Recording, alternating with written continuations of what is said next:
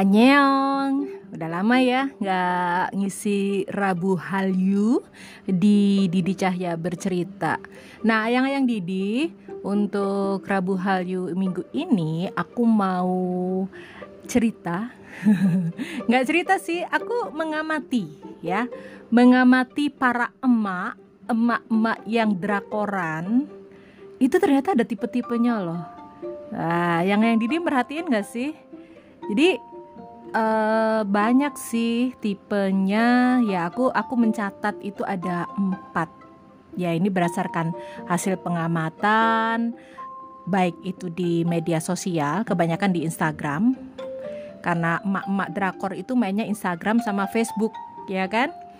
Atau lewat obrolan di WhatsApp grup yang akhirnya oh ada ya tipe-tipe emak drakoran yang kayak gini gini gini gini nah aku bagi emak-emak drakoran ini jadi empat tipe yang pertama itu adalah tipe emak-emak drakor lawas Wait.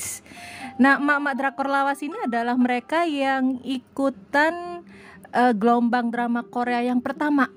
Jadi mereka kalau disuruh cerita tentang Winter Sonata, Secret Garden, terus si Rain sama Song Hye Kyo itu fasih banget.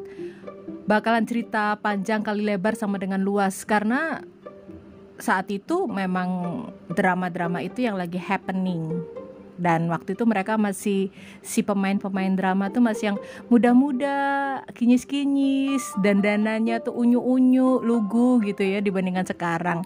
Uh, sekarang mereka main udah jadi yang lebih dewasa, versi dewasa tentu dengan dandanan yang lebih elegan. Nah, emak-emak drakoran lawas ini bisa dibagi dua lagi. Satu, emak-emak drakoran lawas yang kalem Nah, yang kalem ini biasanya mereka tuh ngeliatin emak-emak drakoran sekarang tuh cuman sambil senyum, ketawa gitu kadang-kadang nimbrung, nggak nggak yang terlalu apa ya, nggak terlalu berapi-api gitu. Karena mereka sudah nge-hype di zamannya di masa drakoran gelombang pertama itu. Jadi mereka sudah merasakan di masa lalu yang dirasakan emak-emak sekarang bagaimana mereka cari-cari film, bagaimana mereka tuker-tukeran CD, nge-hype-nya tuh udah lewat.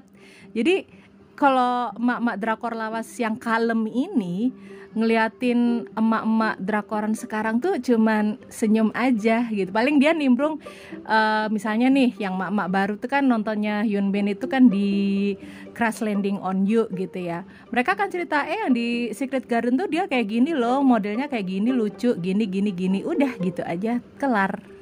Nah, beda sama emak emak-emak drakoran lawas yang nyolot. Aduh, hati-hati ketemu sama emak-emak kayak gini.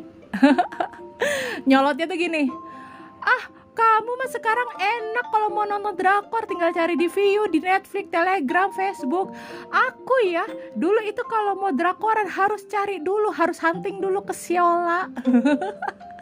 harus hunting dulu cari-cari tuh serialnya sampai lengkap sampai nunggu-nunggu berminggu-minggu sampai baru habis serialnya ih kesel banget deh dulu tuh perjuangannya luar biasa gak seperti yang sekarang nah ini mama drakor lawas yang nyolot nih jadi kayak ada keirian gitu ya. Bahwa ah lo enak banget sih sekarang.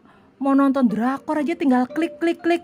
Aku dulu itu ya wah langsung cerita langsung cerita oh dulu itu ya aku kalau mau drakor itu harus cari dulu itu. Ya eh, nyanyi nyanyi nyanyi nyanyi dan dan mereka itu akan menempatkan dirinya di level tertinggi mak-mak drakor karena merasa aku sudah dari dulu, aku sudah duluan, aku sudah hafal dengan cerita-cerita dan aktor aktris yang kalian belum kenal sekarang, uh, yang sekarang baru kalian kenal, aku sudah kenal dulu. Bahkan yang sekarang misalnya udah ajuma ajusi jadi bapak-bapak, ibu-ibu, aku kenal mereka waktu mereka main masih muda-muda. Ya wes lah, hadapin aja kalau ketemu sama emak-emak drakoran lawas di penyolot ini. terima aja terima aja. Udah nggak usah dilawan. Nah itu yang mama drakoran lawas. Terus ada mama drakoran euforia uh, itu termasuk aku kali ya. Jadi gini uh, drakoran emak-emak euforia itu biasanya adalah emak-emak drakoran yang terimbas pandemi yang dulunya nggak ngedrakor sama sekali. Terus akhirnya drakoran dan keseret gitu. Dan tipe ini banyak banget ketemu. Banyak banget yang uh, gampang. Mengidentifikasi mereka tuh gampang.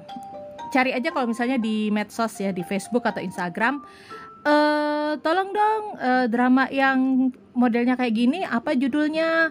Uh, drama yang dimainkan ini apa aja? Nah, itu itu orang-orang baru tuh gitu dan males. Orang-orang baru yang males yang sebenarnya kan googling bisa. Maksudku gini misalnya ini nih kalau pandemi ya mereka tuh biasanya mulainya dari crash landing on you sama Itaewon class. Biasanya dimulai dari situ. Nah makanya si mereka tuh banyak yang emak-emak drakor baru tuh demen banget sama Hyun Bin ya. Nah kalau memang cerdas gitu dia dia kan bisa aja gitu klik Hyun Bin ini selain crash landing on you apa oh dia udah pernah main di sini sini sini sini tinggal ngeklik aja kan nggak usah nanya-nanya gitu atau cari aktor uh, aktris siapa gitu drakornya apa aja nah emak-emak yang drakoran euforia ini ada yang tipenya males nanya dan mereka tuh agak-agak ngeselin juga sih di medsos menurutku ya. Jadi setiap ada drakor tuh ini judulnya apa? Bisa nontonnya di mana? Googling po orek saya selalu seperti itu karena mengganggu sekali dengan komen-komen seperti itu di media sosial. Tapi ada emak-emak drakor euforia tuh yang gercep gitu loh. Jadi kalau misalnya ada uh, ini lagi mau ngeluarin misalnya ini temen gue nih si Mia Heranti nih. Dia termasuk anak drakoran drakoran euforia nih. Dia demen banget sama Ji Changguk. Dia akan searching apa pun tentang Ji Changguk dan dia selalu tahu nomor satu. Ya karena memang dia sudah menemukan passionnya adalah di orang ini di aktor ini. Nah dia akan mencari dari yang dramanya yang dari yang baru sampai yang zaman bahula yang sejak dia belum terkenal itu akan dicari.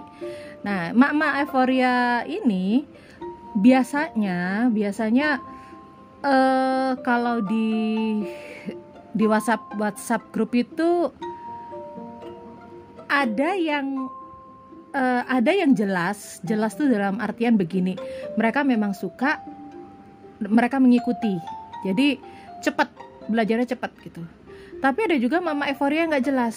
Jadi cuman tren aja.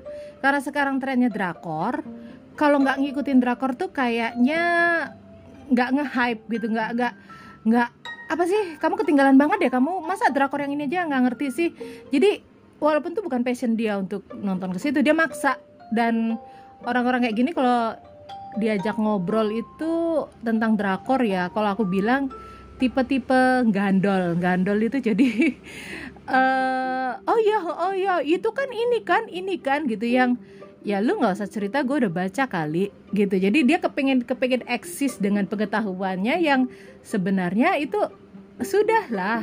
Info-info itu sudah ada di internet sudah ada di Twitter sudah sudah banyak di Instagram. Ngapain sih lu cerita ke gue gitu. Itu itu ada. Mama euforia nggak jelas kayak gitu tuh ada Nah ini nih ini eh, nggak uh, tahu deh. Ini masih dua nih masih dua. Aku sih termasuk emak-emak euforia yang mengikuti drakor lawas. Jadi drakor lawas tuh aku pengikuti, cuman aku nggak ngerti kalau ternyata yang main tuh ini ini ini. Jadi aku nonton drakor dulu tuh kayak nonton sinetron aja. Nggak nggak penting siapa yang main gitu loh. Nggak penting sutradaranya siapa, writer nimnya siapa, PD nimnya siapa, nggak penting. Yang penting ceritanya bagus aku nonton. The Hair saja aku nggak ngerti tuh yang main siapa. aduh ternyata Lee Min Ho ya gitu loh. Jadi jadi ya nonton aja menikmati aja. Nggak nggak pakai cari-cari searching siapa siapa siapa nah semakin kemari karena aku tertarik juga sama uh, apa ya drama-drama itu ya akhirnya aku mengikuti ini aktornya siapa aja. Jadi aku in between lah antara drakor lawas sama sama euforia ini. Nah ada lagi nih yang tipe ketiga. Tipe emak-emak drakoran yang bungkam ngeri loh ini, ini ngeri ini ngeri asli jadi emak-emak drakoran yang bungkam ini adalah mereka yang sebenarnya mengikuti banyak drama Korea tapi nggak ngomong, silent, nggak cerita, nggak diskusi. Aku nggak ngerti apa buat mereka uh, bungkam. Apakah mereka malu karena ternyata mereka nonton drakor, mereka mengikuti drakor, atau memang nggak tertarik aja untuk ngomongin? Aku nggak ngerti kenapa. Karena ternyata aku beberapa kali menemukan ada tipe-tipe emak-emak ini yang nah kebetulan yang aku temuin model-model gini nih biasanya punya posisi tinggi yang posisi yang cukup tinggi di tempat mereka bekerja. Ah manajer apalah director apalah atau mungkin dia yang punya perusahaan lah apalah apalah gitu ya itu mereka nggak pernah nimbrung kalau kita-kitanya lagi ngomongin drakor. Tapi kepancing dikit aja, ternyata mereka itu ngikutin banget. Dramanya ini, lokasinya di sini. Bahkan kadang-kadang kalau memang mereka berduit, tajir melintir, ya mereka udah ke lokasi. Mereka udah ke lokasi. Jadi eh, apa namanya berwisata ke Korea Selatan tidak semata-mata untuk wisata kosmetik atau aku sekedar ke Korea Selatan gitu enggak. Ya memang mereka hunting tempat-tempat uh, syuting itu. Tapi mereka nggak ngomong diem-diem aja ada dan banyak. Nih kebanyakan mak-mak bener ya mak-mak kalau nggak yang punya posisi tinggi di perusahaan ya mak-mak tajir jadi aku nggak ngerti apakah mereka gengsi untuk mengakui mereka itu drakor atau gimana nggak ngerti tapi bener-bener kita nggak nyangka kalau ternyata mak-mak itu ngedrakor Ah, itu tipe yang ketiga. Tipe yang keempat adalah ini adalah musuh sejuta emak uh, musuh sejuta umat emak-emak drakoran. yaitu emak-emak anti drakor. Astagfirullahalazim emak-emak kayak gini ya kalau udah anti anti bener loh. Seperti mereka anti sama K-pop sama mereka anti apalah. Ya yang apa sih drakor itu? Nggak ada manfaatnya nonton kayak gitu. Atau aku nggak mau nonton drakor nanti kecanduan. Atau drakor itu apa? Lebih banyak mudaratnya daripada manfaatnya. Anti anti bener. Nah kalau udah ketemu yang kayak gini uh ini biasanya ada yang mereka itu uh, nggak nggak terlalu terang-terangan mengungkapkan keantiannya tapi ada juga yang anti anti bener. Ah nggak ada manfaatnya males gitu. Nah, mereka terang-terangan terang-terangan banget gitu. Apa muka plastik kayak gitu ditonton. Oke. Okay. aku udah kayak gitu cuman oke okay, whatever you say you say lah terserah gitu ya ada juga yang nah ini ini pernah aku terjadi di WhatsApp grup gitu ya isinya emak-emak gitu ya kita diskusi termasuk drakor aku sepakat sama temanku Mbak Wina Bojonegoro itu bahwa di drakor itu kita bisa mempelajari sesuatu. Jadi ya memang itu konteksnya Korea Selatan ya. Tapi kita bisa mempelajari sesuatu. Misalnya eh, drakor itu tentang rumah sakit, tentang kedokteran. Selalu ada konsultan di situ, dokter beneran di situ yang membuat para aktor itu tidak seperti berakting sebagai dokter, tapi ya mereka adalah dokter gitu ya. Jadi istilah-istilah medis atau apa itu bisa dicantumkan di drakor itu. Kita bisa belajar di situ. Uh, aku inget yang uh, filmnya Yun Bin tuh juga di drakornya Yun Bin yang dia berkepribadian ganda. Istilah-istilah kejiwaan itu ada di situ. Ada ada keterangannya, captionnya. Nah jadi kita bisa belajar dari situ. Terus juga misalnya drakor tentang hukum. Itu akan ada konsultan hukum yang yang dia akan eh pengadilan tuh nggak kayak gitu jalannya gitu. Ini ini seharusnya begini begini begini gitu. Jadi oh ya ya ya ya kita ngerti jalurnya seperti apa. Terus, nah ini yang aku suka tuh Romance is a bonus book ya, yang dimainkan Lee Jung Suk itu. Uh, di situ aku tahu bahwa di Korea itu penerbit-penerbit itu kalau misalnya buku-bukunya nggak laku itu ditarik dan dihancurkan loh. Kalau kita kan masih bisa dijual di Jalan Semarang ya, itu banyak loh buku-buku masih segelan yang dijual di situ.